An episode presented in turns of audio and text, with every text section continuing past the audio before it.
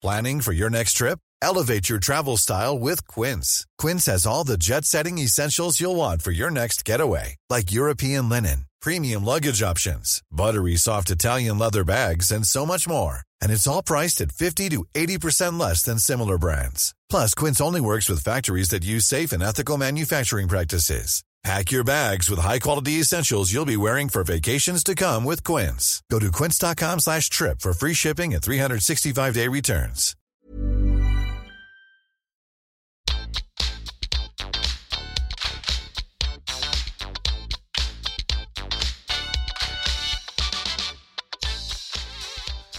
Hei alle sammen, og velkommen tilbake til podkasten Karriereveiledning med Elaine. I denne episoden har jeg med meg en fryktelig spennende gjest, nemlig Nils Apeland. Han er en av Norges mest erfarne foredragsholdere og formidlere. Han er også toastmaster på talelisten. Nils har flere tusen rådgivningstimer bak seg og flere hundre foredrag bak seg. Han tilbyr bl.a. også kurs i presentasjonsteknikk. Og noen stikkord for å beskrive Nils, det er jo bl.a. kommunikasjon. Han har jobbet som kommunikasjonsrådgiver. Han er opptatt av kreativitet, innovasjon.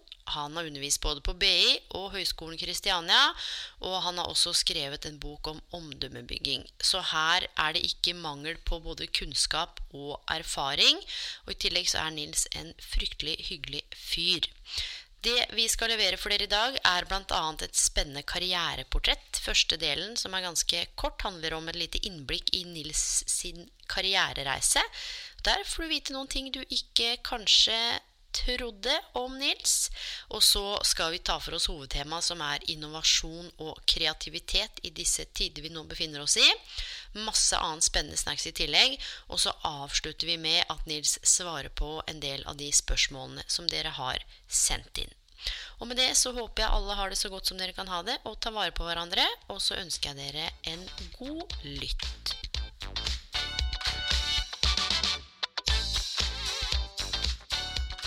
Velkommen, Nils Apeland. Er du på tråden? Jeg er på, Om ikke jeg er på tråden, så er jeg på et eller annet sted på nettet i hvert fall. Ja, det er du. Og jeg er veldig veldig glad for at du takket ja til å være gjest. Det har kommet inn masse spørsmål som vi skal komme til, og vi har også hatt spennende tema som jeg snakket om eh, i introen. Men Nils, vi trenger å bli litt bedre kjent med deg. Og vi skal starte med et litt sånt rart, men også litt spennende spørsmål. Husker du hva du hadde aller mest lyst til å bli når du var liten? Ja, jeg drømte nok å bli journalist. Ja. Jeg startet eh, klasseavis i fjerde klasse. Den het Jumbo. Og I femte klasse så het den Femmeren, og i sjette klasse så het den Six News. Og både på ungdomsskolen og videregående så var jeg redaktør for skoleavisene. Så det var nok journalist jeg hadde tenkt å bli. Men så hadde jeg en filletante, venninne av moren min. Og hun sa du, ikke bli journalist, Nils. Det er veldig mye jobb, og det er sene kvelder og det er mye reising. Det er ikke noe bra jobb for familielivet. Jeg vil ikke anbefale deg det. Så, så det jeg gjorde Jeg jobbet litt som journalist og frilansjournalist. Jeg penset over og, og tok da utdanning innen PR-bransjen, som er jo et beslektet tema, da. Men det var nok Mm. journalist som sto øverst på lista. Men er det ikke litt interessant, og du har sikkert gjort deg noen refleksjoner om det, jeg gjør i hvert fall ofte det når jeg jobber med folk i karriereveiledning, at noen ganger, altså hvor stor innvirkning en persons mening kan ha, Mm. for de valgene vi tar. Eh, ikke gjør det, ikke velg den skolen, jeg tror ikke du passer til det, og så blir det kanskje en form for sannhet, spesielt når vi er små, da, men også i voksen alder. Um, og jeg tenker jo litt sånn, du valgte jo noe som er beslekta, og så liker jeg egentlig ikke å stille spørsmål. Har du noen gang angra? Det er vel mer det at du ser en del overføringsverdier. Hva er det som er likhetene da mellom journalist og det du innenfor PR? Det er formidling. Det å formidle noe som Altså gjøre ting enkelt. Det å, å si noe som er vanskelig på en lett måte. Det å skrive, få et budskap fram. Det er det som er forskjellen. Jeg har også jobbet som lærer. Og da ble jeg også faktisk advart mot å bli lærer. Og det var da jeg jobbet som forsikringsselger da jeg var student. Og da hadde jeg sjefen min, het André, og han sa vet du hva Nils, ikke bli lærer, da må du kjøre buss på kvelden, for det er så dårlig betalt. Ja. Så han snakket meg også ut av det. Så du har helt rett. Det er ofte et par personer som kan ha innflytelse. Og da er det viktig å ha litt kritisk tenking. tenking. For det er ikke sikkert at den personen eh, den personen sitt liv kan være et helt annet liv, og, og du kan ha en helt annen personlighet enn den du snakker med. Så jeg tror det er viktig å lytte til folk, men samtidig tenke selv. Ja, og det er det jeg finner litt sånn interessant, og til alle som hører på nå som kanskje har mista jobben, selvstendig næringsdrivere som opplever at de sliter, man er permittert, nedbemanna, noen må, må, velge nye yrker, eh, kanskje en ny bransje.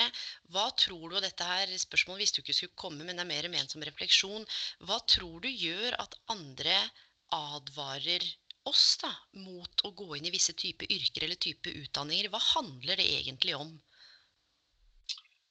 Det handler vel om en blanding av at man kjenner på egne erfaringer og egne feilgrep, kanskje, som mm. man har gjort i ett liv, og som man ikke ønsker at en annen person skal se. Og det er klart, hvis du er 50 eh, år, eh, sånn som jeg er, og du snakker til en 20-åring, så vil du gjerne gi noen gode råd på veien. Eh, så jeg tror det handler om en, en sånn vennlighet. Men Eller ja, det er egentlig det. Men det er jo ikke sikkert mm. at det nødvendigvis er riktig. Nei, og jeg tror det her er så viktig nå, for mange står nettopp i en overgangsposisjon, eller blir kanskje nødt for å omstille seg. Og det som du sier, å være litt kritisk til hva faktisk folk sier. At man også orienterer seg innover og kjenner etter. Og sannheten er, se på den situasjonen vi står i nå. Vi veit jo aldri helt hva som skjer rundt neste sving. Um, og i en forlengelse av det så er jeg litt nysgjerrig. Derfor er det noen som du kommer på som har influert deg altså positivt i din karrierevei? Som du har sett opp til eller hatt som rollemodeller underveis? det er nok min far, da, som veldig mange. Altså, undersøkelser viser oss at veldig mange velger jo far eller mor sitt yrke. Pappa var eh, en av eh, Norges første PR-rådgivere på 50- og 60-tallet. Han tok PR til Norge, skrev Norges første bok om PR i 1960.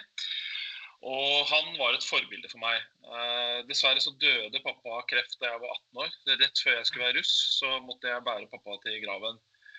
Og eh, det har sikkert også påvirket at jeg har hatt han som et jobbmessig forbilde. Mye av den formidlingen han gjorde. Han ga ut flere bøker, han var aktiv i ulike sammenhenger og har vært Eh, mitt karrieremessige forbilde, vil jeg tro. Selv om han aldri fikk oppleve da, det selv, at jeg gikk inn i hans bransje. Mm. Og det er jo hva skal jeg si for noe? Altså, jeg kjenner jeg får alltid vondt når noen eh, ja. forteller at de har mista noen. Og samtidig det å kunne se tilbake på sin egen karrierehistorikk da, og reflektere rundt hvem er som inspirerte meg, hvordan kom det til? Og ja, det er jo ganske vanlig at man går i foreldrenes fotspor. Ellers er det noen som velger stikk motsatt, for sånn skal jeg i hvert fall ikke bli. Men jeg, jeg visste, ante ikke at pappaen din hadde gitt ut bøker eller jobbet med, med PR. Så det virker i hvert fall som det har vært en, en fin påvirkning, da. Og da, i en forlengelse Hæ? Ja. Sjekk Wikipedia. Ja, det skal jeg gjøre. Nei, bare, bare, bare knytte en kort kommentar til det. så Veldig mange får jo veldig sånn praktisk drahjelp fra foreldrene sine. At de hjelper dem med den første jobben eller penger eller utdannelse. For meg så var det egentlig bare minnet om faren min. For det skjedde jo da før jeg var russ, som sagt. Mm. Så jeg hadde liksom hans ånd over meg når jeg gikk inn i, på Norges markedshøgskole og begynte der. Og dro til USA og studerte der, og valgte da den bransjen. Så ja, for det, for det har vært inspirasjon. Ja, og, men også valgte du å dra til USA for å studere. Nå er det jo ikke lenge til det er søknadsfrist. 15.4 er det søknadsfrist på høyere utdanning. Hva er det som gjorde at du valgte USA? Vi fikk et stipend. Så ok, Hvordan gikk det seg til? Jeg, jeg kom ned på jeg, jeg, jobbet Jeg bodde i byen. Jeg var 22 år, 23 år, bodde i byen. Og så jobbet jeg hjemme, eller jobbet på en skole som tilsynsvakt. Og Da pleide jeg å sove hjemme hos moren min, som da var alene ute i Bærum. Og En morgen så kom jeg ned til frokostbordet, og der lå det en lapp eh, med et, en annonse fra Aftenposten. Dette var jo i papiravisens glansdager. Mm. Og så sto det, sto det på lappen 'Dette må være noe for deg'. Hilsen mamma.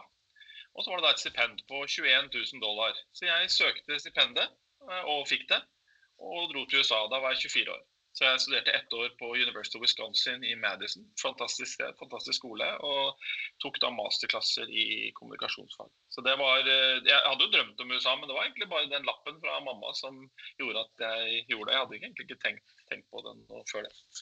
Nei, for det som er interessant når vi snakker om karriere og karrierehistorikk, altså hvor mye av Du er jo 50 år nå, som du sier, og har jo gjort ulike ting. Hvor mye av karrieren din når du ser tilbake nå, har vært på en måte uforutsette hendelser. Jeg er ikke så glad i ordet tilfeldigheter, men uforutsette hendelser. Og hvor mye har vært planlagt? Altså sånn Nei, Nesten alt har vært tilfeldig. Ja. Nesten alt har vært tilfeldig. Det høres det er overdrivelse, men det er veldig lite planlagt. Og et mm. av mine råd til deg som hører på, hvis du er 18-20-25 år, ikke planlegg så veldig mye. La det komme litt som det skjer. Mm. Uh, jeg kan jo illustrere altså Jeg dro da, jeg studerte tre år på Norges markedshøgskole, PR, ett år i USA. Og mens jeg var der borte, så kom broren min på besøk. Da drev jeg og søkte litt forskjellige jobber i kommunikasjonsbransjen i Norge. I forlag og forskjellige ting. Og mens jeg var der borte, da var jeg også 24 år, så sier broren min du, du har ikke lyst til å komme og begynne å jobbe sammen med meg, da? Så tenkte jeg ja, det kunne vært gøy. Da drev han sitt lille enmannsfirma som het Apeland Informasjon. Et, et, et enmanns PR-byrå. Og så tenkte jeg ja, det har jeg ikke tenkt så mye på, men det høres så gøy ut, så jeg gjorde det. Så det var det første. Så han og jeg bygget opp det byrået fra å være da eh, han og meg til å bli 32 ansatte da jeg sluttet i 2011. Og det var jo Mange tror kanskje at det var planlagt, men det var ikke det. altså. Det var ganske tilfeldig. Mm. Og så treffer man jo folk underveis. Jeg traff eh, Trond Blindheim, som var da, jobbet på Høgskolen Kristiania. Så sier han til meg Vi satt på en båttur husker jeg, ute i Oslofjord på en eller annen sånn bransjesamling. Satt og drakk øl. Og sier han du har ikke lyst til å begynne å undervise hos oss, da? Og plutselig så, så sa jeg ja, kanskje jeg skal gjøre det. Så var jeg høyskolelærer ikke sant, og jobbet med det. Så veldig mye tilfeldigheter, egentlig. altså. Mm. Og det er litt det jeg har lyst til å Man må samtidig ha en, en slags stemme inni seg som forteller hva som er galt og rett. Du kan ikke være sånn at du hopper på hvert eneste tog som kommer forbi. Eller liksom har lyst til å bli gartner, har du lyst til å bli togsjåfør altså, eller togfører. Du må jo tenke hva du har lyst til, men du må være veldig åpen og, og lyttende når det gjelder muligheter som seiler forbi. da. Ja, og jeg tror vi bruker veldig mye tid. altså Hjernen vår er mye i fremtid og prøver å planlegge og ta kontroll og konsekvenser og hva hvis. Og, og veldig mange om som jeg treffer spesielt, er jo enormt redd for å velge feil. Det er liksom den største frykten å velge studie eller velge jobb. at Tenk hvis jeg velger feil. Og så er det noe med det begrepet der som jeg tenker kanskje man skal omformulere til å handle om hva kan jeg lære? For det er jo nettopp sånn at vi veit jo ikke bestandig hva som skjer. Og det er litt derfor vi snakker sammen nå også i den situasjonen vi befinner oss i. fordi det er mye som ikke kan planlegges og kontrolleres. Og fra eh, to karriereteorier perspektiv, det ene er unplanned happenstance, det andre er kaosteori, så, så sier de at eh, det er noen egenskaper man kan kultivere, og det er optimisme, mot, nysgjerrighet, evnen til å ta sjanser og det å, å rett og slett være optimistisk. Er det noen trekk som du opplever kjennetegner tankesettet ditt gjennom din karriere? Ja, jeg er nok en veldig optimist. Og der faren min pleide å si ja. det blir sol. Og det er ja. altså, jeg, jeg, er en optimist, og jeg er en opportunist. Så jeg liker mm. å ta muligheter og se. Jeg er ikke en person som setter meg ned og tenker negativt. Jeg håper ingen oppfatter meg som det heller. Jeg ser etter muligheter, og jeg tar muligheter, og jeg prøver å utvikle ting. Og jeg er også inspirert av Petter Stordalen som sier 'selv de bæra du har'. Du må liksom se på hva er det du har, og du kan ikke forandre deg selv. Kjønnet ditt, alderen din, dialekten din, sånne ting. Du, du må gjøre, jobbe med det du har, uh, og, mm. og, gjøre det beste ut av det. Du er din egen lykkes med. Og En ting jeg også har lært meg i løpet av livet, er at til syvende og sist så har du bare deg selv å stole på. Mm. Jeg har en familie, en kone jeg er glad i, har vært gift i mange år. Jeg har tre gutter, jeg har gode venner og sånne ting. Men til syvende og sist når det gjelder min jobb, så er det meg som bestemmer, og det er jeg som må gjøre det. Mm. Og Det er også en oppfordring til folk som liker å liksom peke på andre. Det er ikke Nav sin jobb å gi deg jobb. eller Det er ikke arbeid. Det er du selv som må ta ansvar. Kan like eller ikke like det. Det er min mm. erfaring. Og, og, det gir enorme muligheter. Det å rette opp ryggen og se framover og tenke på mulighetene. Mm. Uh, så jeg vil si at det er en, kanskje en av de viktigste lærdommene. Jeg har også stått i noen vanskelige situasjoner i løpet av livet. I konflikter. Ja jeg har vært veldig i tvil om jeg skal velge å si ja til jobbtilbud osv. Det ender med at du må se inn i deg selv og tenke har jeg lyst til dette, kjennes dette riktig ut, er det bra for meg, hva er det verste som kan skje? Og så må du gutse på det selv og, og, og ta det valget selv til slutt. Ja, og det, det, er to ting jeg har lyst til å bare plukke opp her. og Det ene er jo som du sier, man er, min, man er sin egen lykkes med. Og så er det jo sånn, i hvert fall den siste tiden, at samfunnet er mye mer, altså mye mer teknologi, globalisert. Det er noe som heter boundaryless jobs. altså Man jobber fra litt sånn hvor som helst. Og kontor og, og hjemme og jobb, der er det litt sånn flytende. Og så er det også mange som opplever, fordi samfunnet har blitt i større grad individualisert, at det ligger så enormt mye press på individet for å finne drømmekarrieren, for å finne drømmeutdanningen, for å lykkes med sin egen karriere. Og det er litt sånn interessant, fordi det er mange som går rundt og føler at de er totalt mislykka fordi de ikke har kommet dit i livet sitt, i den karrieren de ønsker, enda. Har du noen refleksjoner til de, nettopp fordi at det er spesielt unge, men også en del eldre jeg har snakket med, som opplever at det er en enormt tung bør å bære? Aller først så må jeg si at jeg har ikke opplevd det noe særlig selv. For jeg har stort sett vært i situasjoner hvor jeg har hatt det bra og, og fått bra oppgaver og godt betalt. Og så jeg har liksom ikke vært der selv. Og jeg er nok ikke heller typen som, som går og tenker så mye på det.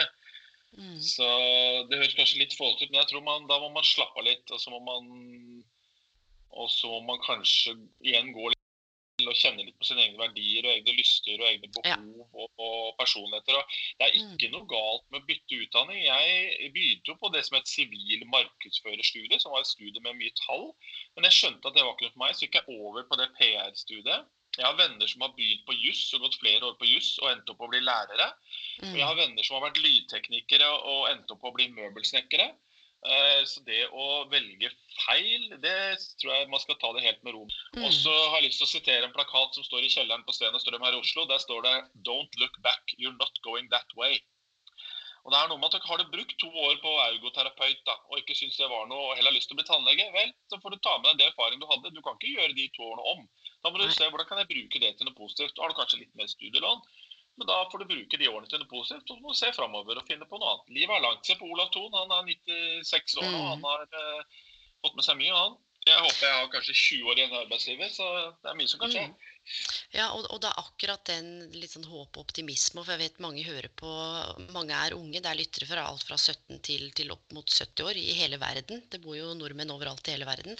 Eh, og jeg tror det er akkurat dette med at man opplever at det ansvaret hviler så tungt på sine skuldre fordi man er redd for å velge feil. Og som du sier, og det er ikke noe som er feil. Og se på den situasjonen vi er i nå.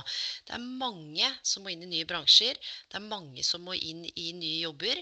Og så er jeg litt nysgjerrig på der du er i dag, altså, hva er det som har vært drivkraften din? Har det vært å hjelpe? Har det vært å inspirere? Altså, hva er det som har vært driveren din i det du har gjort i din karriere? Mm, det var et uh, stort spørsmål. Mm. Jeg tror det er to ting. Jeg har jo jobbet i Første jobben min, fastjobben var jo da som PR-rådgiver i Apeland med broren min, som jeg snakket om, hvor vi bygget opp dette selskapet. Og Det er to ting. Det ene er det å hjelpe andre. altså Det å gi råd og hjelp og lage ting som kunder betaler for og syns er bra. altså det er Akkurat også når du står i en butikk og, og har god service overfor en kunde. så Det er en glede i det å hjelpe andre.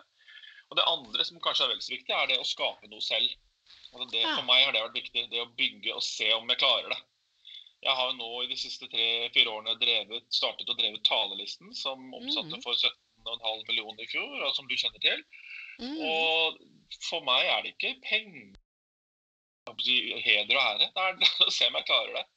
Mm. Og eh, Kasper, som er førsteamanuensis på Høgskolen Kristiania, han jobber med gründer, eh, gründere. Han har forsket på dette. Han sier at den viktigste drivkraften for gründere det er å se om de klarer det. Mm faktisk. Og Det gjelder tror jeg, Ingvar Kamprad, eller gjaldt Ingvar Kamprad, jeg tror det gjelder Jack Ma, jeg tror det gjelder eh, Kjell Inge Røkke og Petter Stordalen. Folk ønsker å starte ting for å se om det går. Så enkelt er det noen ganger. Altså. Det er ikke nødvendig gull og, og, glitter i enden av regnbuen som man ser. Men det der kan jo være et fantastisk råd å ta med seg. altså Se om du får det til. Og hvis ikke du får det til denne gangen, så må man også være klar på hva slags eh, ting man forteller seg selv, og, og hvordan man håndterer det. For det er jo noe med at da går det an å justere strategiene sine og prøve på nytt, eller finne en annen måte å gjøre det på. Eh, men, men, i løpet av din karriere, du nevnte som jeg ville kort tilbake til, at du har stått ved noen utfordrende valg. Kan du si noe mer om det? Ja, det kan jeg gjøre. Eh, jeg valgte jo da å slutte i den jobben i Apeland. Da var jeg litt over 40 år. Jeg tjente godt, jeg hadde mye ansvar. Jeg eide 40% av et lønnsomt selskap. Eh, men jeg kjente inni meg at dette var ikke helt det jeg så for meg å gjøre videre. Det var ingen konkrete ting. Det var mer en sånn følelse av at jeg må gjøre noe annet. Det som, og jeg til høsten 2010. Det som da skjedde, var at det dukket opp en del jobbtilbud, heldigvis. Eh, og da gjorde jeg en enkel øvelse, som jeg også vil anbefale folk å gjøre hvis de er i en sånn valgsituasjon. Eh, for jeg, jeg, fikk jo spennende tilbud fra bl.a.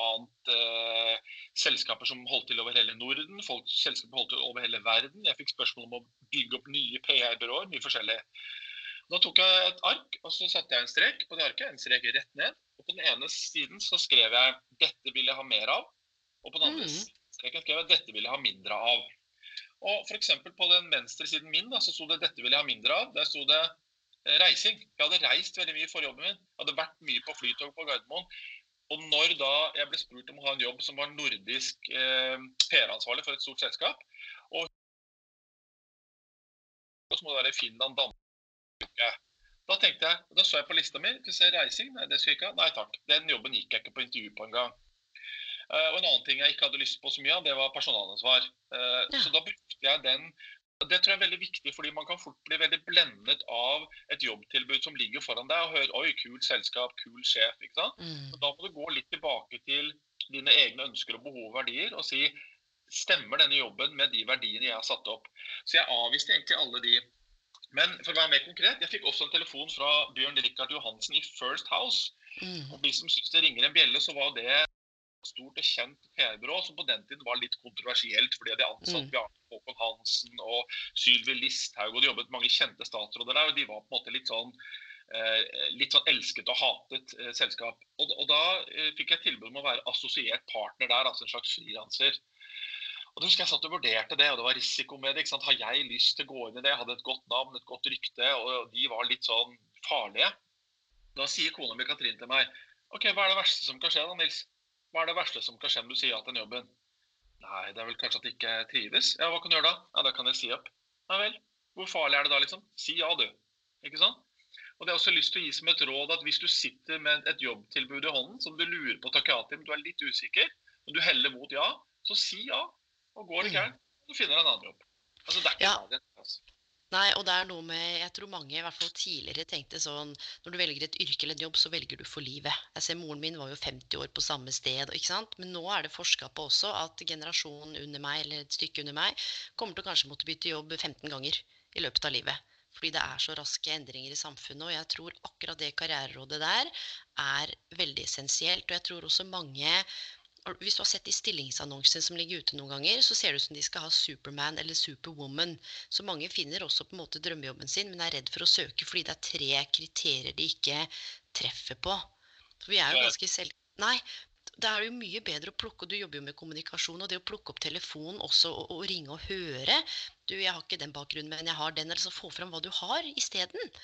Der tror jeg mange går glipp av gode jobber. Også som du sier, mange vegrer seg for å takke ja, fordi hodet begynner å spinne, og så tenker man ja, men hva hvis ikke, hva hvis sånn. Vi veit jo ikke noen ting før vi har prøvd. Og Der skal jeg gi en historie til som også er et eksempel og et nyttig råd. Katrine, kona mi, hun jobber som tannlegesekretær på tannlegekontor. Hun har altså vært med på mange forskjellige jobber, og en av de jobbene hun har hatt, det var jobbe på Ila, på fengselet på Ila, i, på kjøkkenet der. Hun søkte den jobben, så den avisen, syntes den jobben hørtes spennende ut. Ringte til Eh, den som da var ansvarlig. Og hun sa skal vi se, Katrine, Katrine, jeg kan ikke finne de listene. Hun var altså ikke på shortlist på den jobben. Men den samtalen som hun hadde mm. da, sa nå skal jeg ta deg inn på listen igjen, sier hun i andre enden av røret. Og hun fikk jobben. Mm. Så hadde hun ikke ringt og hatt en hyggelig samtale med den kvinnen som var ansvarlig for rekruttering, så hadde hun ikke fått den jobben. Den jobben trivdes veldig godt med, men som til, mm. dessverre ikke kunne tilby henne fast jobb, så hun valgte da å gå på tannlegekontor. Og, og, Du er nødt til å være litt frampå. Ikke nødvendigvis selge deg selv, men bygge en god relasjon, skape tillit, fortelle kanskje noe som ikke står i søknaden eller CV-en din, slik at mm. den, den andre siden danner seg et bedre bilde av deg. Mm. Og jeg tror det er jo også mye av nøkkelen nå. Vi skal snart over og snakke om litt den situasjonen vi befinner oss i, for der vet jeg at du har noen virkelig gode refleksjoner. Um, og så lurer jeg litt på nå er du jo 50 år, som du sa, og så hadde du kanskje ja, Det kan godt være at du er 20 år igjen, for alt vi vet. Du liker jo å, å, å, skape noe eller bygge noe for å se om du får det til. Har du noen tanker om hvor du er om, om fem år? Altså Planlegger du fram i tid, eller er du litt sånn tar alt som det kommer? Nei, jeg setter jo mål. Og for Talerlisten, ja. som er mitt selskap nå, så har jeg jo satt noen mål som jeg jobber mot. Eh, men mm. Jeg har ikke tidssatt, jeg har satt noen mål når det gjelder omsetning og vekst, men jeg har ikke mm. tidssatt f.eks. om jeg skal selge selskapet Nei. eller sånn. Det gjør jeg ikke. Men man må jo sette seg noen mål. Det er viktig. Og jeg har til og med de målene på veggen. Så på kontoret mitt så henger det lapper med liksom, ønsket omsetning og salg. Og, eh, jeg tror det er veldig viktig. Det er akkurat som du, du, Hvis du trener til noe, så, så, er det lurt å henge opp en lapp på soveromsdøra med at du skal løpe så og så fort eller klatre så og så høyt eller få til det og det. Det tror jeg er veldig lurt. Men, helt... men, det er ikke mer konkret enn det. altså. Nei, men, det er jo konkret nok, fordi det er jo også forska på at Nå husker jeg ikke hvor dette her er fra, men det er sånn type 5 av verdens befolkning som virkelig setter seg mål. Det er også de som, som ofte ser ut til å lykkes, fordi det blir konkret og det er synlig. Har du noen gode refleksjoner rundt hvordan komme i gang med å sette seg mål? Spesielt når det gjelder karriere også, for at det, som vi sa vi trenger ikke planlegge er du i 20-30-åra. Kanskje noen liker å planlegge, og det er et supert. Men hvordan er det man kan sette seg gode karrieremål da? Når man egentlig ikke helt veit uh, hvordan samfunnet eller hva som skjer om ti år? Ah, du, dette er jo ikke mitt fagområde, men jeg, nei, tror, nei, vi jeg, tilbake, jeg, tror, vi, jeg tror vi må tilbake til verdier. Mm. Noen av oss er opptatt av eh, status, penger, det kan hende man har lyst til å kjøpe seg en bil eller en hytte eller drømmer om å, å ha et hus i Spania. Eh, hvis det er viktige verdier for deg i livet, og du har lyst til å bli rik, for å si det enkelt, ja, da må du legge opp et løp så du kan klare det med en utdanning og en jobb som gir deg de mulighetene. Andre mennesker vil si vet du hva, det er viktig for meg å jobbe med barn. Det er viktig for meg å komme hjem klokka fire. Jeg vil ikke ha en jobb hvor jeg sitter om kvelden. Det sa f.eks. min Katrine. Derfor hun jobber på tannlegekontor. Hun tar av seg uniformen og går hjem, så er hun ferdig med jobben. Noen vil ha en jobb med, med mennesker, med nærhet, og er f.eks. ikke så opptatt av, av lønn. Um, så du må, du må, sette deg mål knyttet til de verdiene som er viktige for deg i livet. Det som blir feil, blir at, blir at hvis, hvis, det er mismatch mellom dine mål og de valgene du tar Hvis du har lyst til å bli kjemperik, da blir du ikke rik av å være lærer i småskolen. Eh, det går omtrent ikke, det. Eh, eller motsatt, hvis du har lyst til ikke at jobben din skal påvirke privatlivet, så blir du ikke aksjemegler. For du vet at de gutta jobber om kvelden og lørdag og søndag. Så du må, du må matche dine verdier med de målene du setter deg. Det er det ene. Og det andre er at du må sette realistiske mål. Det er klart at Da jeg var 25 år og begynte å jobbe i PR-bransjen, jeg ante jo ikke at vi kom til å bygge et selskap som var eh, omsatte for nesten 60 millioner da jeg sluttet. Eh, det, det, skjedde underveis, men vi visste at vi hadde lyst til å drive med noe. at Vi hadde noen ting vi, vi, likte å drive med. Så underveis så satte vi noen nye mål med antall mennesker, omsetning. Eh, sånn, men jeg tror veldig mye skjer også as you go. altså. Mm. Jeg har lyst til å komme med et råd til. Jeg har eh, lyst til å si også at ikke slutt i jobben din hvis du trives. Ikke tenk at en eller annen hodejeger eller, eller, mor eller søster eller bror skal liksom få, få deg til å slutte bare for å slutte. Jeg kjenner flere folk som angrer på at de har slutta jobben sin. Fordi de, de, har liksom blitt pushet av Nei, du må komme deg videre. og Det ser ikke bra ut på CV-en å være på samme sted. Sånn. Nei, jeg kjenner også folk som har vært 25 år på samme sted og er mm. kjempehappy. Da er du fornøyd, så bli. Mm. Og det handler jo igjen om, sånn som du sier, og som vi hele tiden kommer tilbake til, det er noe med å, å snu det kameraet litt innover. Ja, søk råd, les medier, la deg inspirere av influensere eller ikke. Men det er noe med at til syvende og sist, og som du sa, så er det jo du som skal stå i den beslutningen. Og stå for den beslutningen og leve ditt liv. Det er det jo ingen andre som kan. Um, og så tenker jeg, Nå har du gitt en del gode karriereråd, og du skal få gi noen gode karriereråd litt seinere òg. Men det er én ting jeg lurer på før vi går videre, og det er er det noe godt tips eller råd som vi ikke har vært innom, som du vil gi til 20 år gamle Nils? Hvis du ser 30 år tilbake i tid, hvor du tenker sånn Hadde jeg bare visst det, eller skjønt det? Mm, å, så herlig. ja, 20 år gamle Nils, så ville jeg sagt dra, studere et år i London. Ja. Uh, det har jeg sagt til sønnen min, og jeg tror han kommer til å gjøre det. Han er 21 år nå. Jeg ville dratt til London. Altså, jeg ville tatt ett år til studier. Jeg studerte fire år. Jeg tror jeg ville tatt et år til. Ja. Uh, og er, hvis du som hører på er i ferd med å ta en bachelor f.eks., eller har det, så vil jeg gjerne anbefale deg å ta ett eller to år til. Og gjerne anbefale å komme ut. Og Du trenger ikke dra til USA eller Australia. Du kan dra til Svalbard, du kan dra til, uh, til Skottland. men, men hva, hva handler det om, da? Handler det, handler, det, handler om at, det handler om at yrkeslivet er så jævla langt. ikke sant? Jeg har jobbet i 25 år allerede. Ja. Jeg føler meg ganske ung og vital. Og jeg har kanskje 20 år igjen å jobbe, kanskje enda mer. Altså Olav Thon er som sagt 96. Venner som er jurister og økonomer og arkitekter osv. De har studert fem til seks år. Det er ikke noe problem. det. Du kommer bare litt senere i gang enn de som har studert tre. Så er det tvil. Så, og, og, tenk så mye gøy studentlivet bringer med seg. Det å sitte på pub i London og drikke, eller det å gå på toppturer på, i Bodø, eller altså det å være i studentlivet, hvis man liker også det å lære, det er jo en fantastisk tid. Så jeg ville sagt til 20-årige Nils eh, dra til London. Og så ville jeg kanskje sagt at eh, det ordner seg.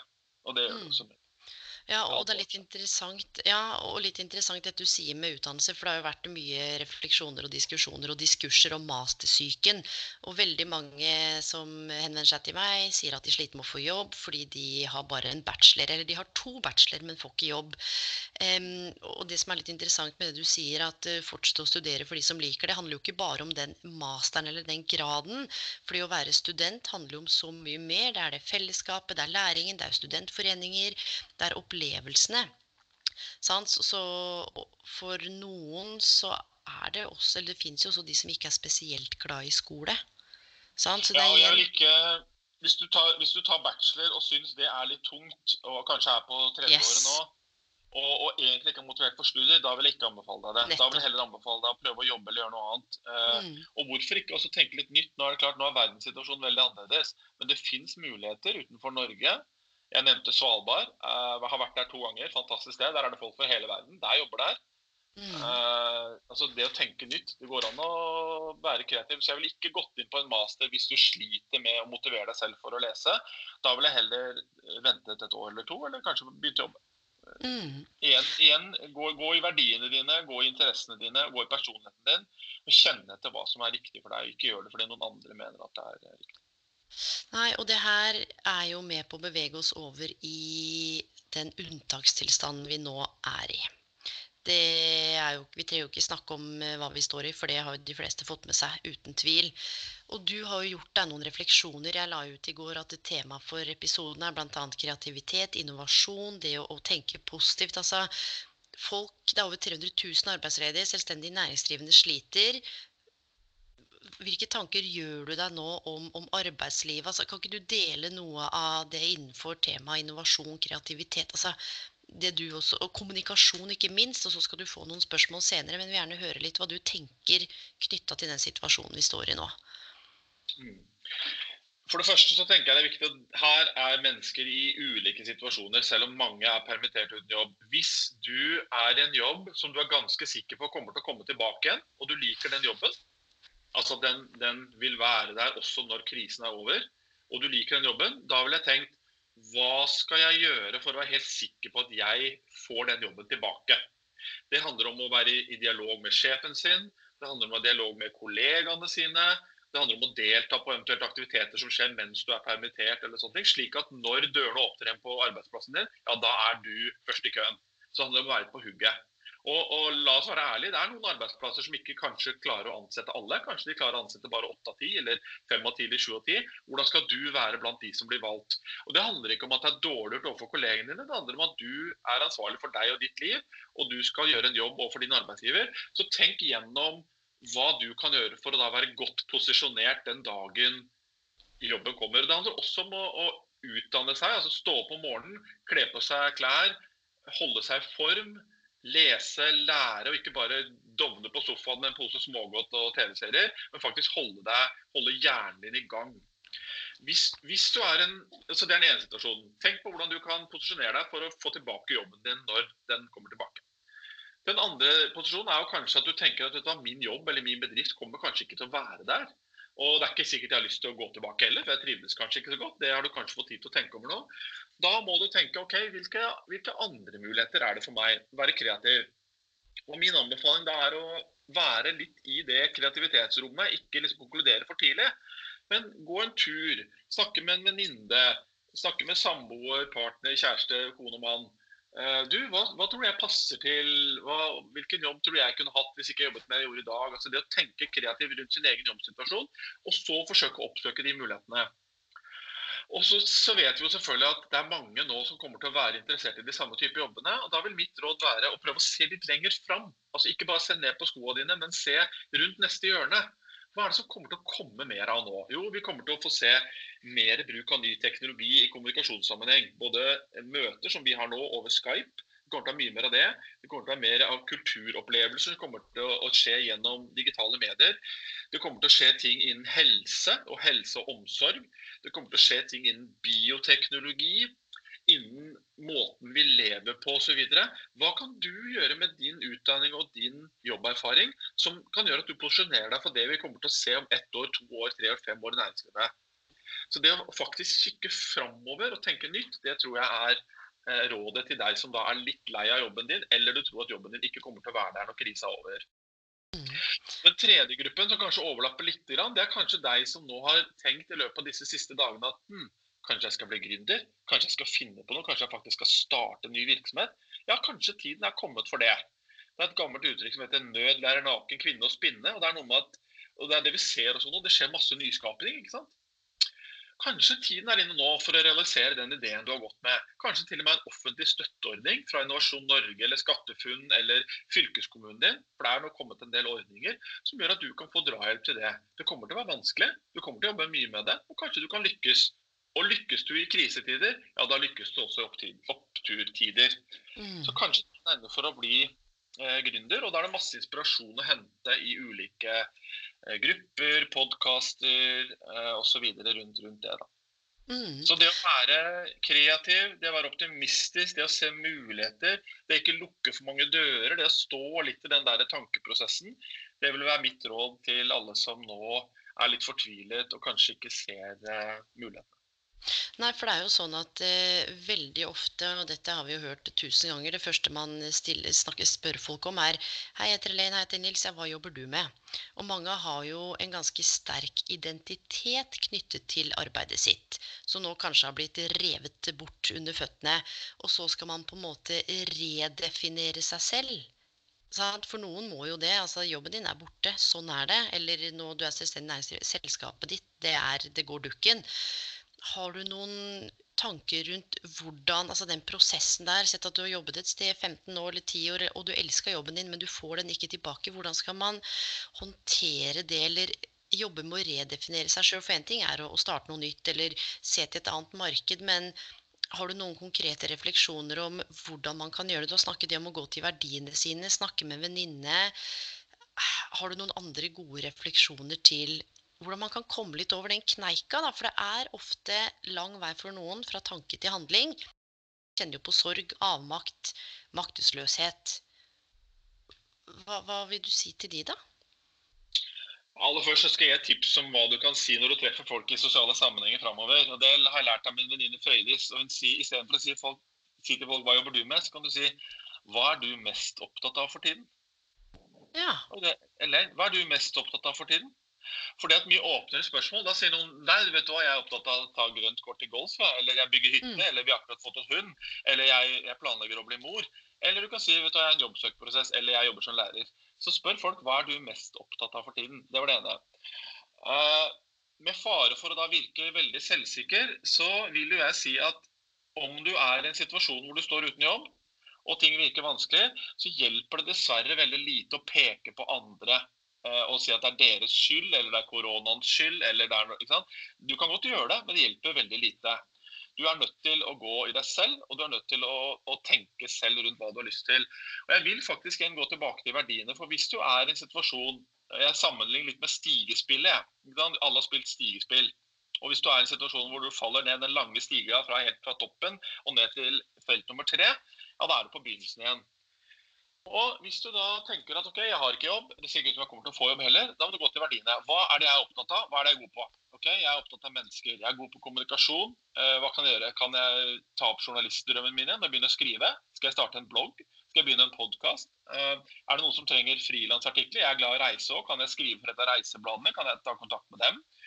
Eh, Skal jeg gå sammen med noen andre og lage et firma som gir råd om reising, og at vi skriver det på sosiale medier og blir en slags influensergruppe? Kan det være en idé? Altså det, å, det å, kjenne på hva man er opptatt av og hva man tror man er god på, og prøve å matche det med samfunnsbehov.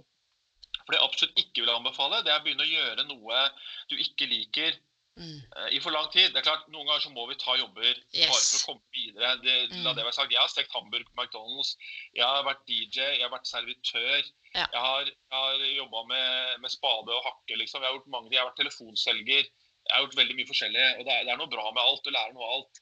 Men på lang sikt så må du ha følelsene og verdiene dine med deg i en jobb. Ellers så får du et veldig eh, kjedelig liv. Og, og mens du da kanskje er i en jobb bare for å få penger til husleia og, og mat og sånn, så kan du jo gjøre andre ting. Jeg gikk f.eks. og tok forberedende studier på kvelden mens jeg jobba på fotobutikk på dagen. ikke sant? Mm.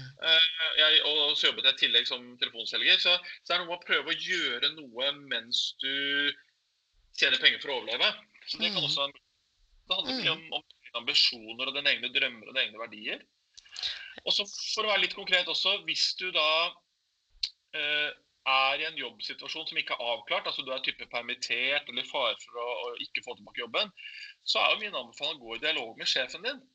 Si til lederen din vet du hva, jeg tror muligens ikke at jeg kommer til å være her etterpå. Hvordan kan vi gjøre dette, denne overgangen best mulig? Kanskje du kan Mm. få med deg en måned eller to eller tre med lønn. Kanskje du er på en arbeidsplass som kan gi deg et studiestipend. Kanskje noen har lyst til å betale etterutdanning for deg. Jeg kjenner mange som har sluttet i jobben og fått med seg f.eks. et kurs på BI eller med en doktorgrad. Altså, så det er muligheter. Og, og jobber du i en stor virksomhet med og kanskje til og med offentlig sektor, så er mulighetene mye større for å få med seg noe ut døra enn om du jobber i en liten virksomhet. Så prøv de mulighetene også. Mm. Så, så igjen Se ja, fra, du skal ikke se bort fra at det at du ber om å slutte, faktisk vil hjelpe for sjefen din. For mange ledere, og jeg er jo leder og styreleder selv, mange ledere er i en situasjon nå hvor de faktisk må kvitte seg med kostnader. Og Mm. det betyr i de fleste tilfeller å si opp folk. Og hvis de kan få hjelp av noen som sier opp selv, så er det faktisk en, eh, en fordel. Mm. Og i forlengelse av det, for du har jo jobbet med kommunikasjon og PR og omdømmebygging i mange, mange år. Og nå er det jo utallig mange ledere som står i en situasjon de aldri har stått i før. Hva vil du si, altså hvor viktig er kommunikasjon nå mellom leder og medarbeider, og hvordan kommunisere på en best mulig måte? For der er det jo mange som opplever store utfordringer.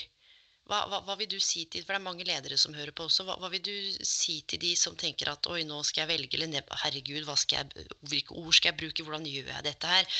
For jeg tror hvordan man leverer budskapet har en del å, å si for, for mottakeren. Det er også et stort spørsmål, men jeg kan jo si selv altså Jeg har jo eh, fem ansatte i talerlisten. Én på heltid og fire på deltid. Og da denne krisen seilte innover oss 12.3, og jeg, vi jobber med foredragsformidling, så alle våre oppdrag ble jo da avlyst. Våre foredragsholdere får ikke lov å holde foredrag lenger.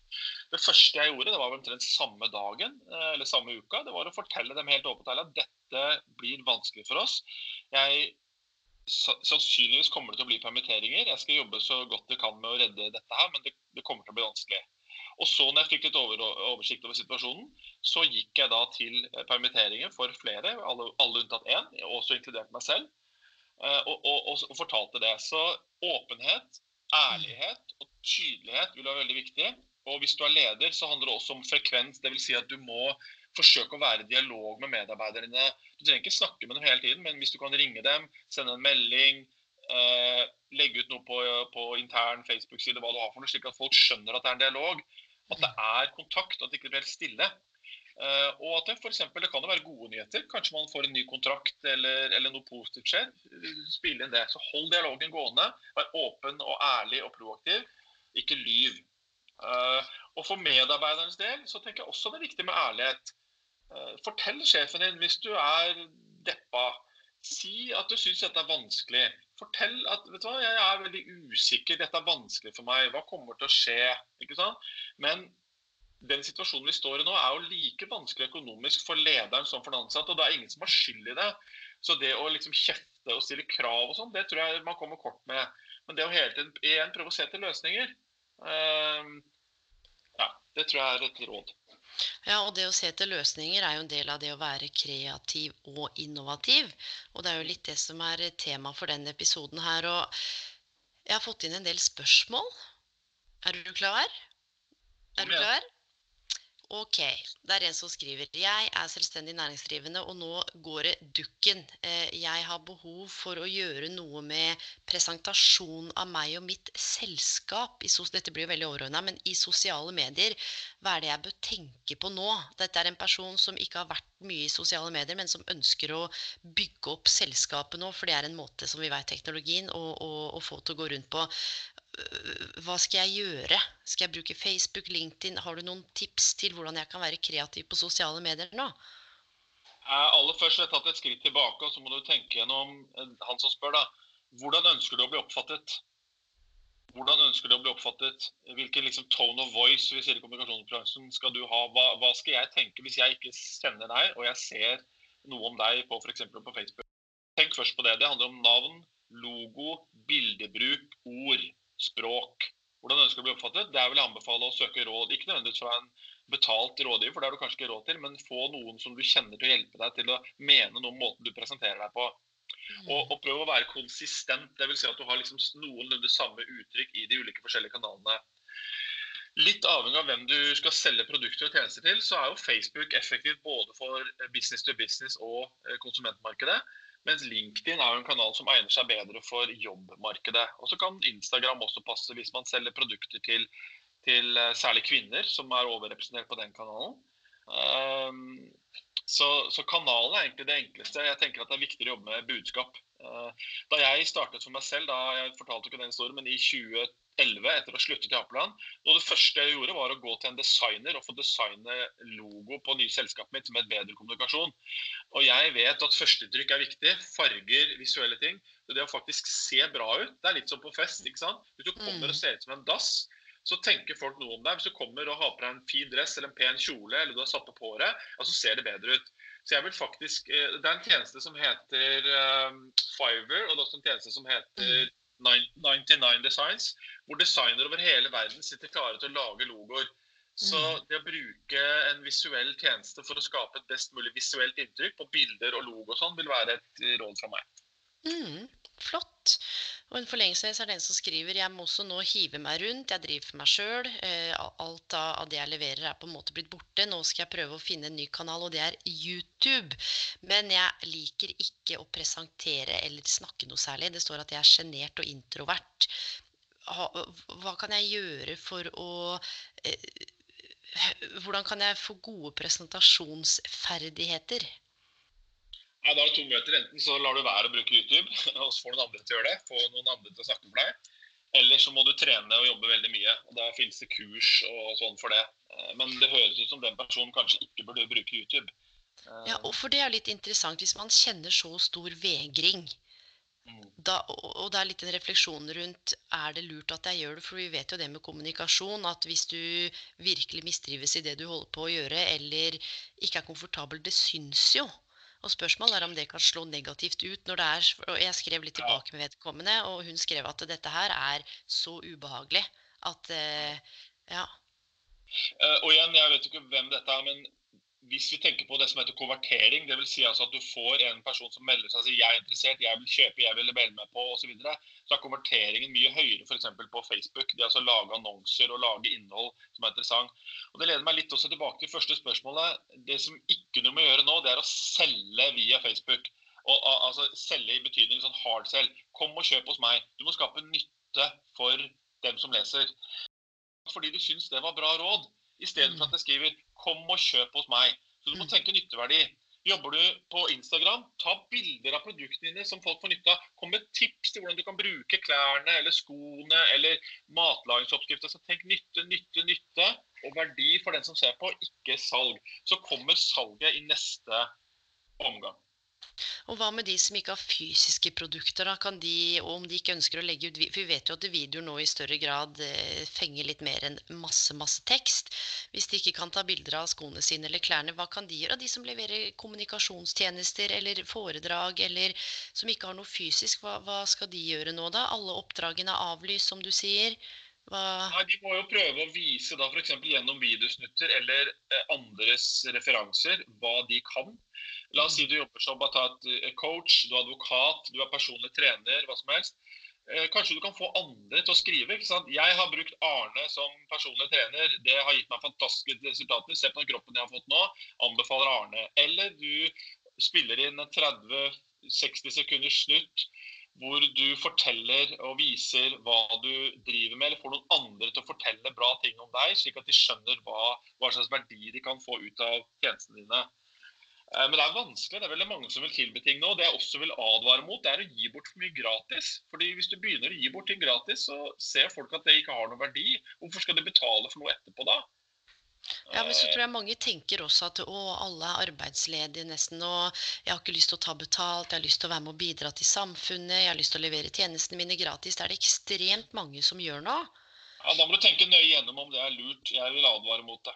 For å si Det enkelt. Det er hyggelig, og jeg kan bake bolle gratis og gå bort til Berit på hjørnet og gi henne bolle fordi jeg syns hun er ensom. Men hvorfor skal jeg tilby en masse tjenester gratis hvis jeg trenger å leve av det? Det vil være som å skyte seg selv i foten. det. Jeg, Ja. jeg vil advare mot det. Men hva med redusert? For det er det en som har skrevet nå har jeg lite oppdrag, jeg driver for meg selv, kan jeg redusere prisene, eller skal jeg bare holde på den eh, prislinja jeg har?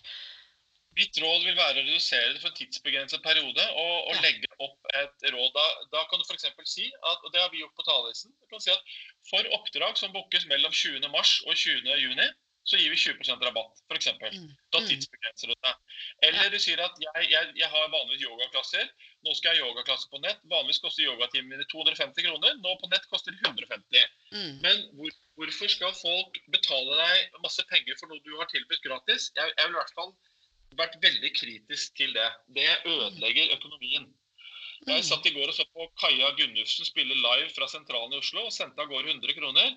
Veldig hyggelig at hun sitter og spiller der, men da må vi som hører på, støtte henne med penger. Så penger er det som får samfunnet til å gå rundt, ikke goodwill. Dessverre. Mm. Og det er jo altså fått et annet spørsmål her, og det har vi snakket litt om, men en som skriver Jeg har mista jobben, jeg sliter med å tenke positivt, alt har rast sammen. Hvordan skal jeg finne kreativitet? Altså Jeg hører folk snakker om kreativitet, innovasjon, og det er så store, fine ord. Ring meg, så skal vi gå en tur sammen, så skal du få masse ideer. Ja, ja, men for det er, det er jo noe med det, ikke sant? At det nå er jo en mulighet. altså Kinesisk ord for krise betyr mulighet. eh, Men, men som vi snakka om, når man virkelig sliter og nesten og ikke har falt i en depresjon, for det er ikke det jeg skrev litt fram og tilbake, det er ikke det det handler om, men det er bare det er mørkt.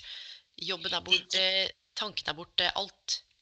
Til den personen, og jeg tar det på alvor, til den personen så vil jeg si forsøk å oppsøke mennesker som gir deg energi.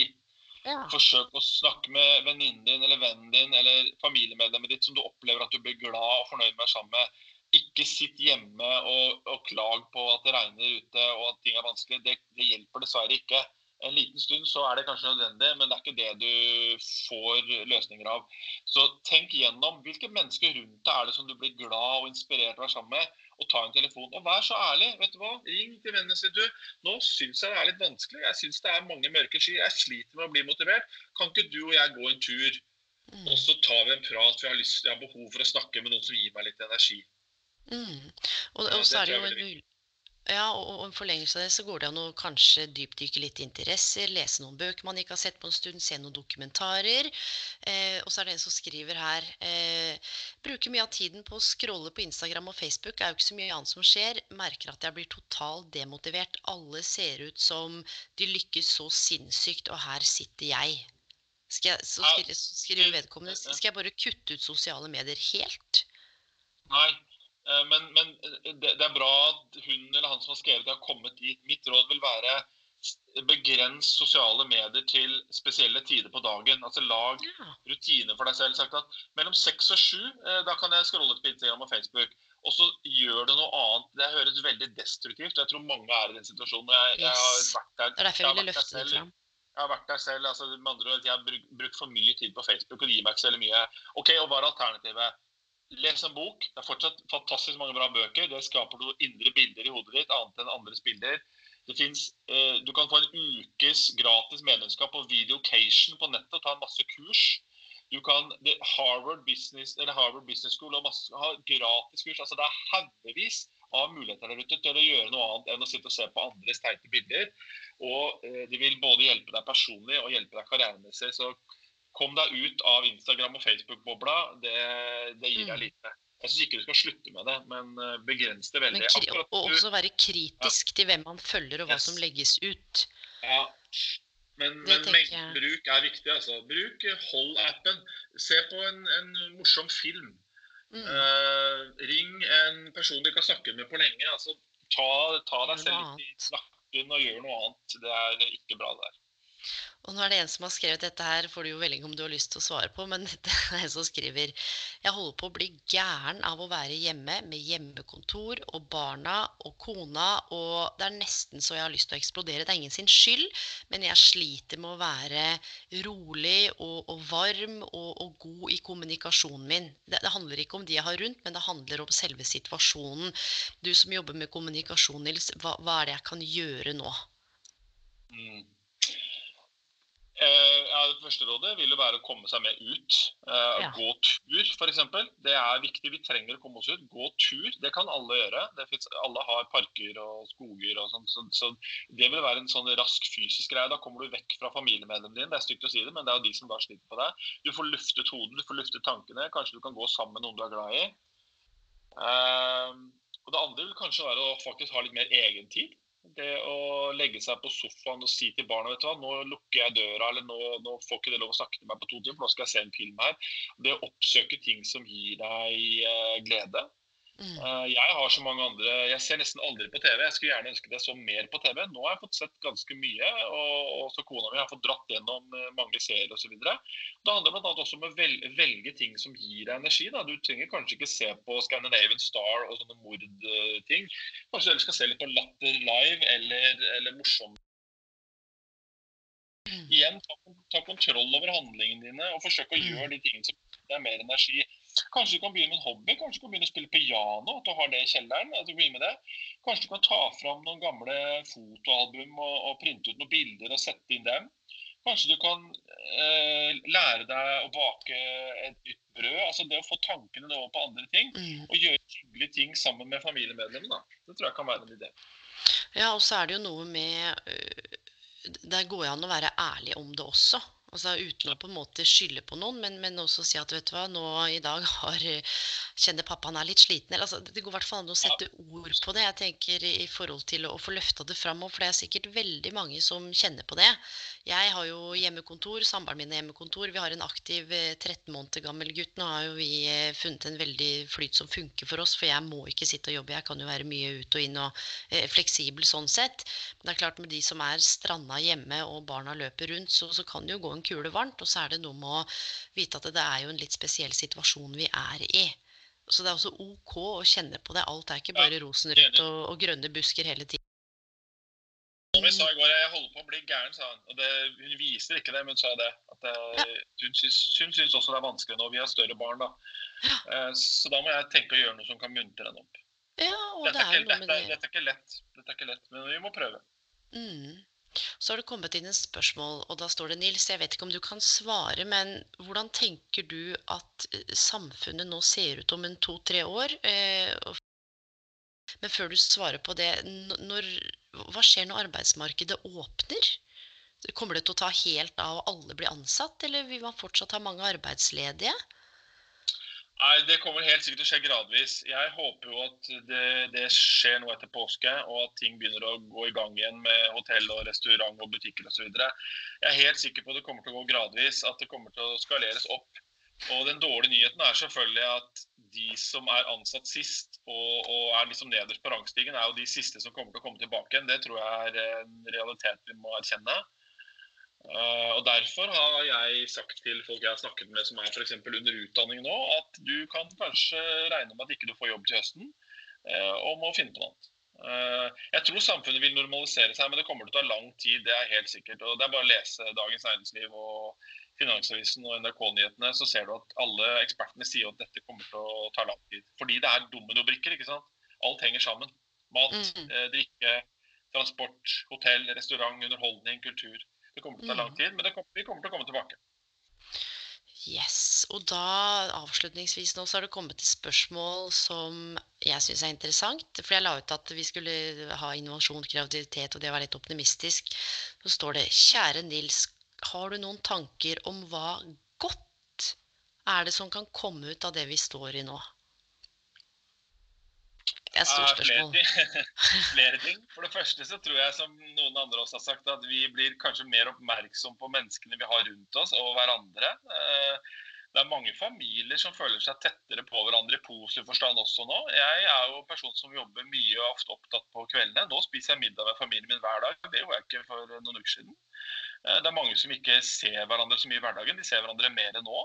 Så, så, den menneskelige biten er en positiv ting.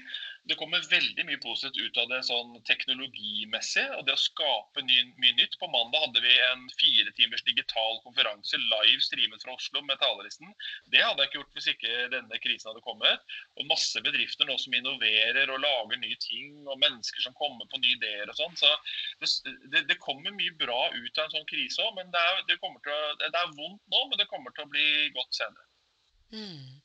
Og det aller siste spørsmålet her velger du selvfølgelig om du vil svare. Der står det Nils, jeg har fulgt med på alt av pressekonferanser fra statsminister, helseminister.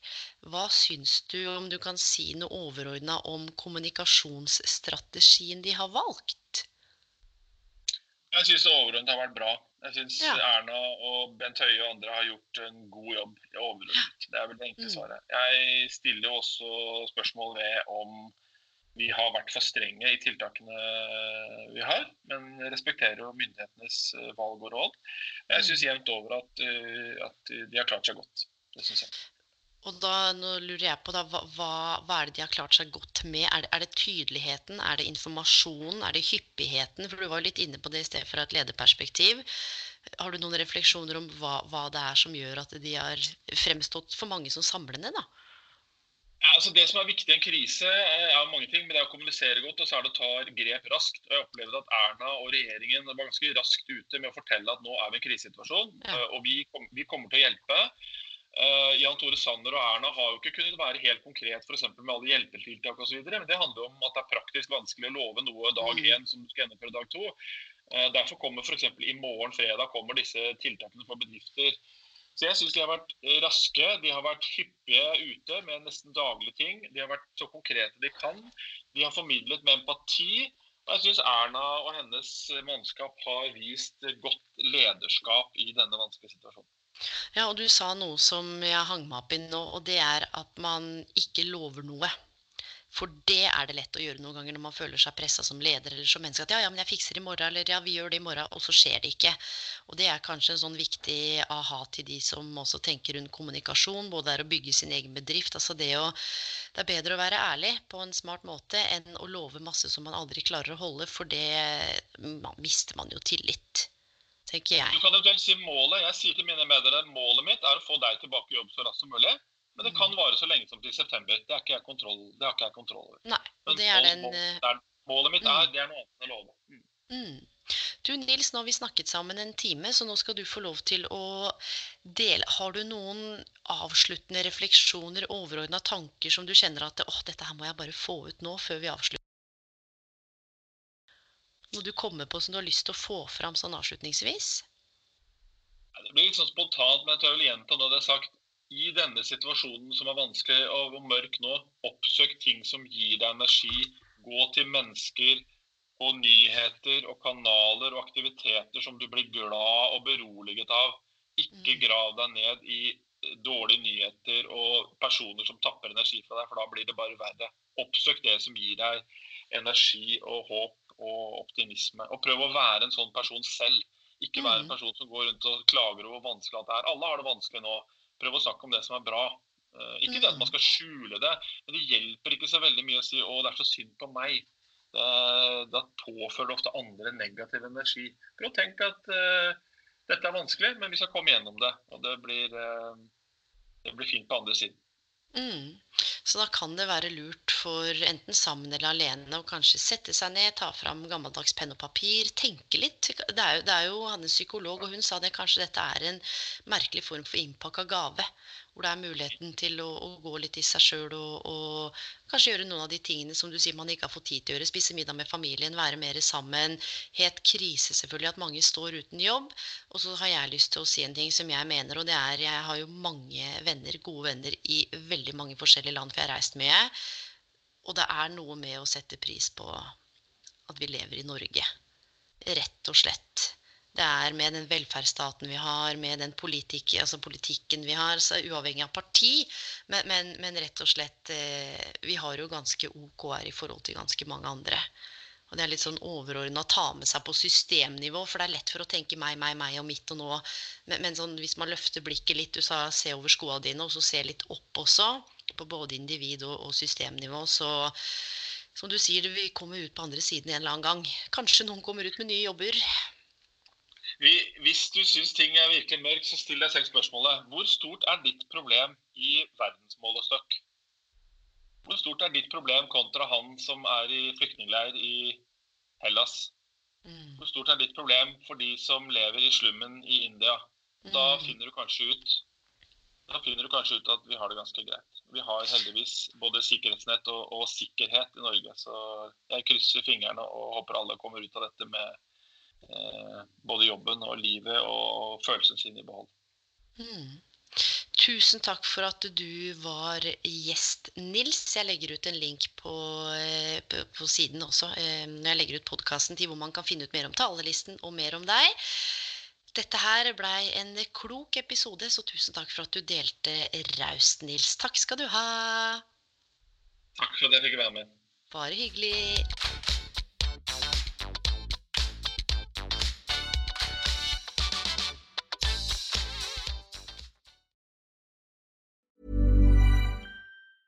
Witness history at Roland Garros, where old rivalries meet new talent on the clay battleground. Tennis Channel Plus is your place to watch. Stream every court from your phone or smart TV live in HD. Experience three weeks of unparalleled access as the world's top players in tennis face off to see if the veterans maintain their dominance or if a fresh face rises to challenge them. Daily live coverage of the French Open begins Monday, May 20th. Stream it now with Tennis Channel Plus to be there when it happens. Planning for your next trip? Elevate your travel style with Quince. Quince has all the jet setting essentials you'll want for your next getaway, like European linen, premium luggage options, buttery soft Italian leather bags, and so much more. And is all priced at 50 to 80% less than similar brands. Plus, Quince only works with factories that use safe and ethical manufacturing practices. Pack your bags with high-quality essentials you'll be wearing for vacations to come with Quince. Go to quince.com slash pack for free shipping and 365-day returns.